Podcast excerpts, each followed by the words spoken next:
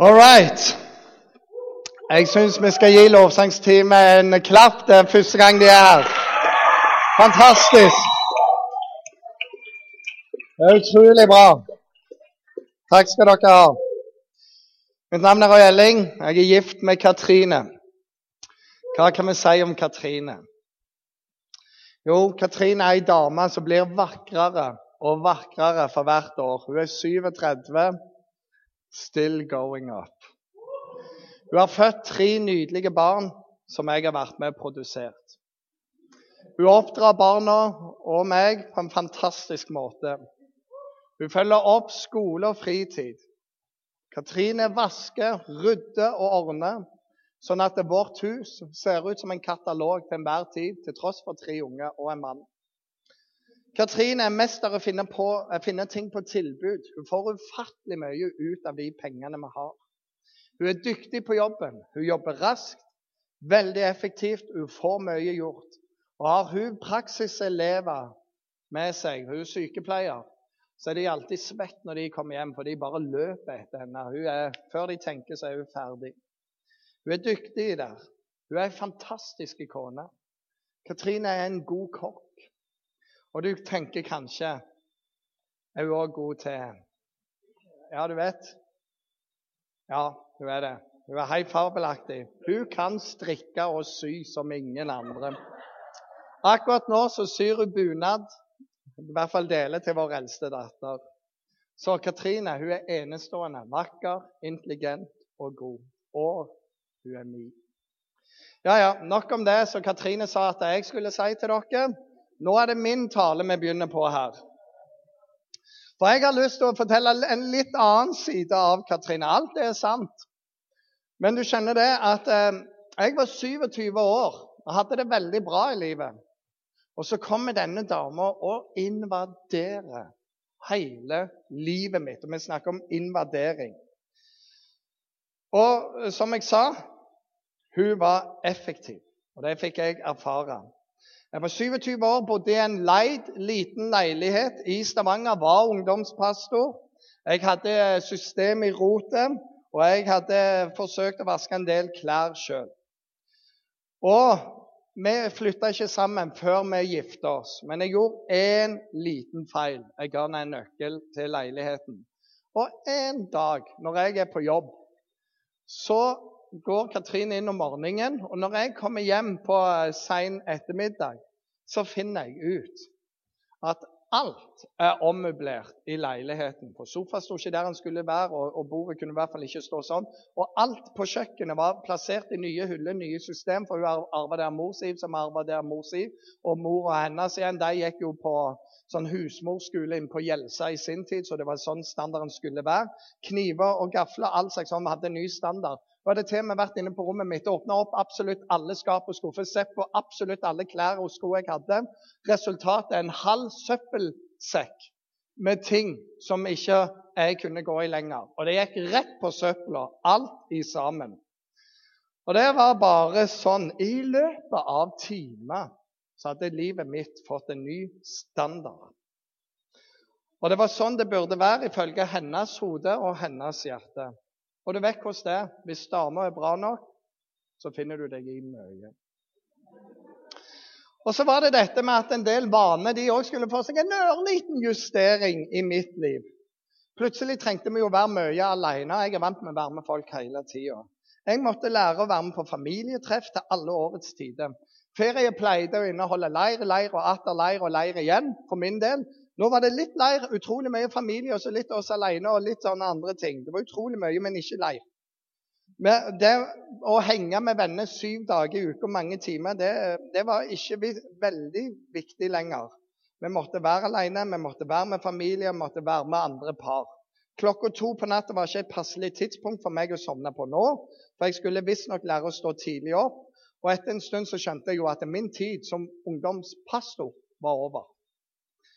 For det var kommet noe nytt. Katrine kom med en ny standard i livet mitt. Noe var rimelig umiddelbart, og andre ting det har bare kommet sigende. Og det fortsetter å sige inn den dag i dag.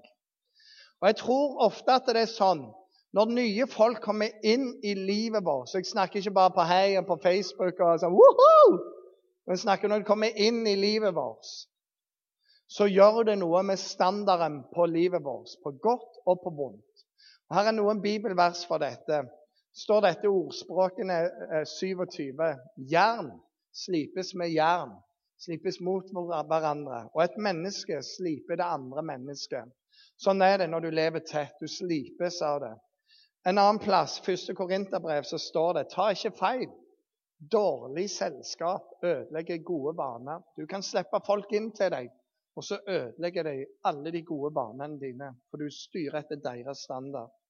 Det står en oppmuntring også, i ordspråkene 1320. og Der står det sånn Den som omgås vismenn, blir vis. Mens den som er, har dårer til venn, går det ille. Så du kan plassere deg veldig lurt i livet med å finne deg noen bra folk, for det hever standarden på ditt liv. Og du har Bibelen med deg på dette. Men spørsmålet i dag er jo dette Så hvordan er det når Jesus kommer inn i livet, da? For Jesus kom til jord. Og når Jesus kom til jord, så satte han en helt ny standard. Og det var sjokkerende for folk. En av de tingene som Jesus er veldig kjent for.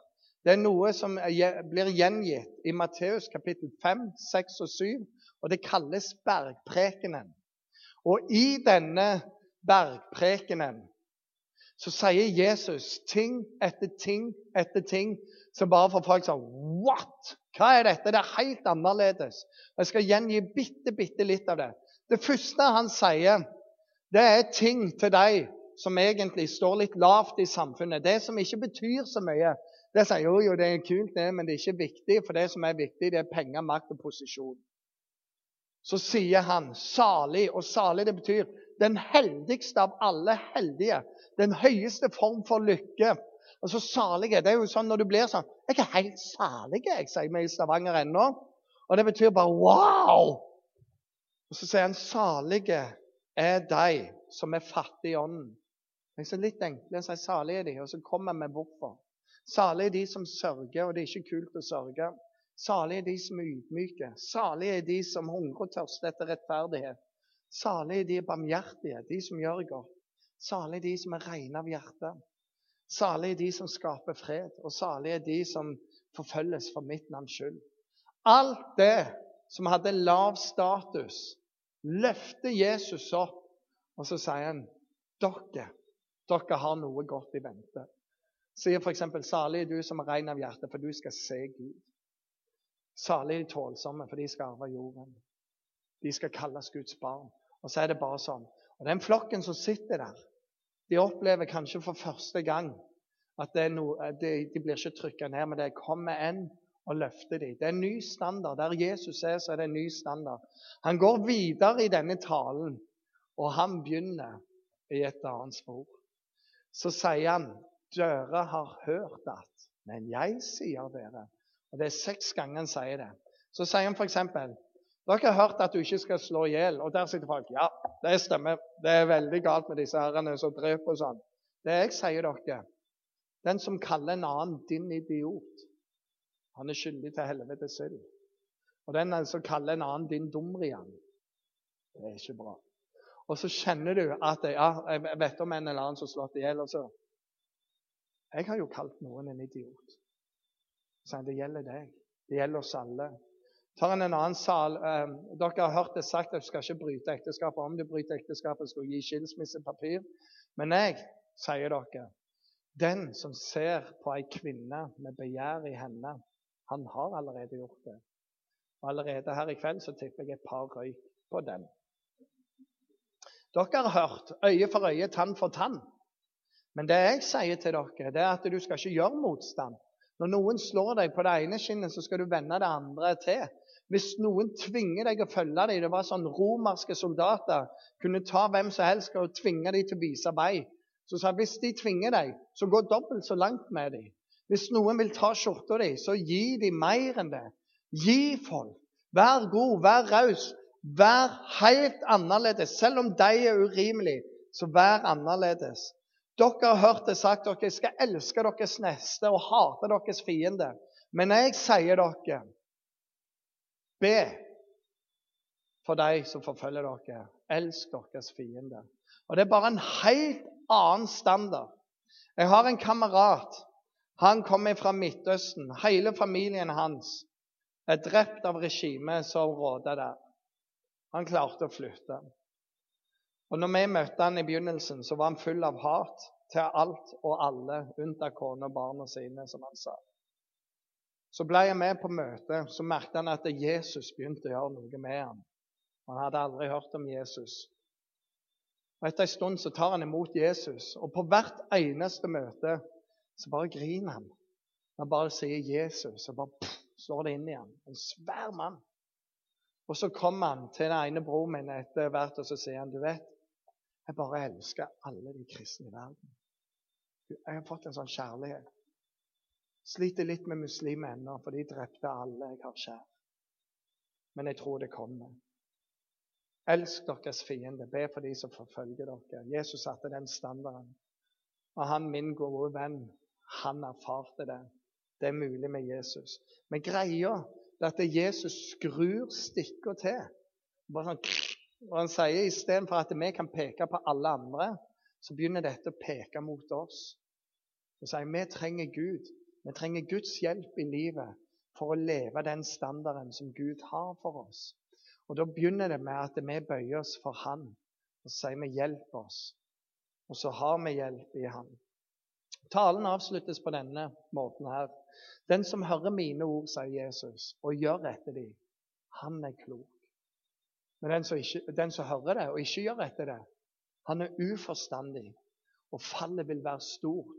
Du vil lide masse i livet ditt, for du tok ikke mot de gode ord og de kloke råd. Jakobs brev sier noe av det samme. Dere må gjøre det ordet sier. Dere må gjøre det, ikke bare høre det. Ellers vil dere bedra dere sjøl. Så ser vi denne standarden som Jesus brakte med seg. At de som var rundt ham, de begynner å forstå det. Og En dag så kommer en av hans nærmeste venner, og han tror han har forstått hvor radikal Jesus er. Og Han har lært det, at du skal tilgi folk én eller to eller tre ganger, og that's it. Da er det øye for øye og tann for tann. Så han spør Jesus du er, når en gjør noe galt, hvor mange ganger skal jeg tilgi han? Og så tenker jeg nå drar jeg på alt jeg har her. Skal jeg tilgi han syv ganger? Så det var bare sånn crazy. Ser Jesus på han. Ikke syv ganger, men 70 ganger syv. Han bare forstår wow, det er en helt annen liga, og så må jeg kunne matte i tillegg. Det var noe helt annet med denne standarden. Men hva gjør vi med den? Jesus sprakte, hva gjør vi med den? I dag skal vi få lov å se litt på en av personene som fikk en ny standard pga. Jesus. Han heter Paulus. Saken med Paulus var at det står at han var skriftlærd. Han var en meget klok mann. Han var en mann som var på vei oppover i hierarkiene. Han leste loven. Han ønsket å gjøre det loven sa. Han fikk lov å forfølge kristne, fengsle dem og til og med drepe dem. Og han var mann på vei opp. Han kunne bli den mektigste, mest innflytelsesrike religiøse lederen på den tida der. Han var noe. Han hadde status, han nøt respekt, og han hadde gjennomslag. Plutselig en dag, mens han er på vei til Damaskus for å ta de kristne, så kommer Gud, og det, det oppleves som et lys på himmelen. Han blir slått til jorda. Og så hører han en røst og sier, 'Paulus, Paulus, hvorfor forfølger du meg?' Det har for deg å stikke mot brodden. Han blir blind der og da. Og så gir Gud han et budskap, og ting begynner å skje. Han begynner å leve et nytt liv, et radikalt liv for Jesus. Så sier han dette etter en stund. Det som før var en vinning for meg, alt det med å holde loven, med å få denne respekten, ha denne standarden, ha statusen, det å kunne bli mektig, innflytelsesrik, han hadde alle fortrinn. Han var av en fin stamme, av en nydelig ett, av alt som var noe. Han sa alt det var en vinning for meg. Men nå, for Jesus skyld, så regner jeg det som tap. Jeg regner alt som tap Fordi det å kjenne Jesus, min Herre, er så mye, mye mer verdt. Så mye mer verdt. Og Han sier litt lenger nede i dette Filippa-brevet jeg glemmer det som ligger bak. Alt det som jeg strakk meg mot, jeg glemmer det. Og så ser jeg framover mot det som ligger foran, og jeg jager fram mot målet og mot den seierspris som Gud i det høye har kalt oss til i Kristus Jesus. Så jeg nå har fått øye på noe nytt, og det er en seierspris der. Og den er hos Jesus. I en kort tid av mitt liv så var jeg innen salg. Og jeg husker jeg var på noen sånne kurs, seminar, kall det hva du vil. Og så husker jeg at det var folk så tok de opp sånn tusenlapper, og så holdt de liksom sånn. Så sier jeg dette en tusenlapp. Det her er penger, og vi går der pengene går. Vi følger etter penger. Det er det dette handler om. Følg pengene, for det er det, det vi jager mot. Hele greia var det. Og han sier jeg jager fram mot en seierskrans, og det er ikke penger. Men denne seiersprisen det er at Jesus en dag møter deg i himmelen. Og når han møter deg, så hadde Paulus lyst til en ting, og det var at Jesus skulle si 'Vel gjort, du kloke og tro tjener'. Og Seiersprisen det er alle de som er med i himmelen på grunn av det. Og Jesus sier det. Alt det du gjorde mot en av de minste, det gjorde du mot meg. Når du så en fattig og ga mat, da ga du mat til meg. Når du kledde en som ikke hadde klær, du kledde meg. Når du besøkte noen, da besøkte du meg. Og du får en seierspris i himmelen for det. Det er en annen type liv. Det er ikke din ambisjon for livet, men det er å se Jesus i de andre. Jesus, han er en ny standard. Paulus skriver dette videre i Galaterbrevet. Lev et liv i ånden. Det betyr når du har blitt frelst, når du har tatt imot Jesus, så får du en ny standard. Lev livet der hvor Den hellige ånd er. Da følger dere ikke begjæret som er i menneskets kjøtt og blod. Og alle vi vet hva begjæret er. Fordi vi ser ting, vi har lyst på ting, og vi vet at det er feil. Men likevel så lokkes vi den veien. Så sier han lev et liv i ånden. Lev med Jesus. Lev i et kristent fellesskap. Lev med en åpen bibel. Lev i bønn. For da følger du ikke begjæret, men du følger det ånden vil. Og så står det lenger nede i Galaterne og åndens frukt. Altså, når du lever på den måten der, i denne nye standarden, så høster du noe tilbake igjen. Og det står når du driver og synder og synder, så høster det til slutt død. Mens åndens frukt er kjærlighet, glede, fred, overbærenhet, vennlighet, godhet, trofasthet, ydmykhet og selvbeherskelse. Det er det Gud har for deg. Og når Jesus kom og snudde opp ned på alt i sammen og sa dere har hørt, men jeg sier dere og sier gjør etter det jeg sier, satte han en ny standard inn i livet ditt. Snudde opp ned på det. Når du gjør det, så vil du høste noe. Det er ikke alltid penger. Men penger kan ikke kjøpe deg kjærlighet. Penger kan kjøpe deg sex, men ikke kjærlighet. Penger kan kjøpe deg en fest, men det kan aldri kjøpe deg glede. Penger det kan føre til wow, men det vil aldri føre til fred. Og du får krefter til å overbære, tilgi. Du blir mer vennlig, og når du er mer vennlig, så er du lettere å omgå, så du får andre venner. Du er god, så legger folk merke til det, og du kommer til å høste av det du så i din godhet. Det er det å leve dette livet. Omvendelse, dvs. Si når du tar imot Jesus. Omvendelse, det betyr å gå i en ny retning. For mange mange, mange, mange år siden så var jeg i militæret. Og en av de tingene vi måtte lære, det var å marsjere. Så gikk du, så har du 'holdt', og da bare så du opp. Og så har du 'venstre om'. Og da er det bare sånn Fremad marsj. Så er det en ny kurs. Og sånn holdt det på. Venstre om. Helomvending. All right. Og så er det ny kurs. Omvendelse, det betyr at jeg har gått i en retning med livet mitt. Men når jeg tar imot Jesus, så begynner jeg å gå en ny retning. For med Jesus så kommer det en ny standard. Og jeg har et spørsmål til deg. Dersom standarden din for livet ditt ikke endrer etter du tok imot Jesus, har du da egentlig møtt ham? Hva er frelsen? Han har noe bedre å gi deg. Hva er det da? I Jakobs brev 2, 14-18 så står det Hva hjelper det søsken om noen sier han har tro når han ikke har gjerninger? Kan vel troen frelse ham? Sett at en bror eller søster ikke har klær og mangler mat på dagen, og en av dere sier til dem, gå i fred, hold dere varme og spis dere mette. Hva hjelper vel det, dersom dere ikke gir dem det kroppen trenger? Slik er det også med troen. I seg selv, uten gjerninger, er den død. Troen føder gjerning. Du blir ikke frelst på grunn av det du uh, gjør, for du må bare ta imot Jesus. Når du tar imot Jesus, så begynner et nytt liv å spire fram. Frelsen er gratis. Vandringen koster. Men belønningen du får, er alltid mer enn det det koster. Hvem skal definere standarden for ditt liv? Hvem er de som skal være nær deg?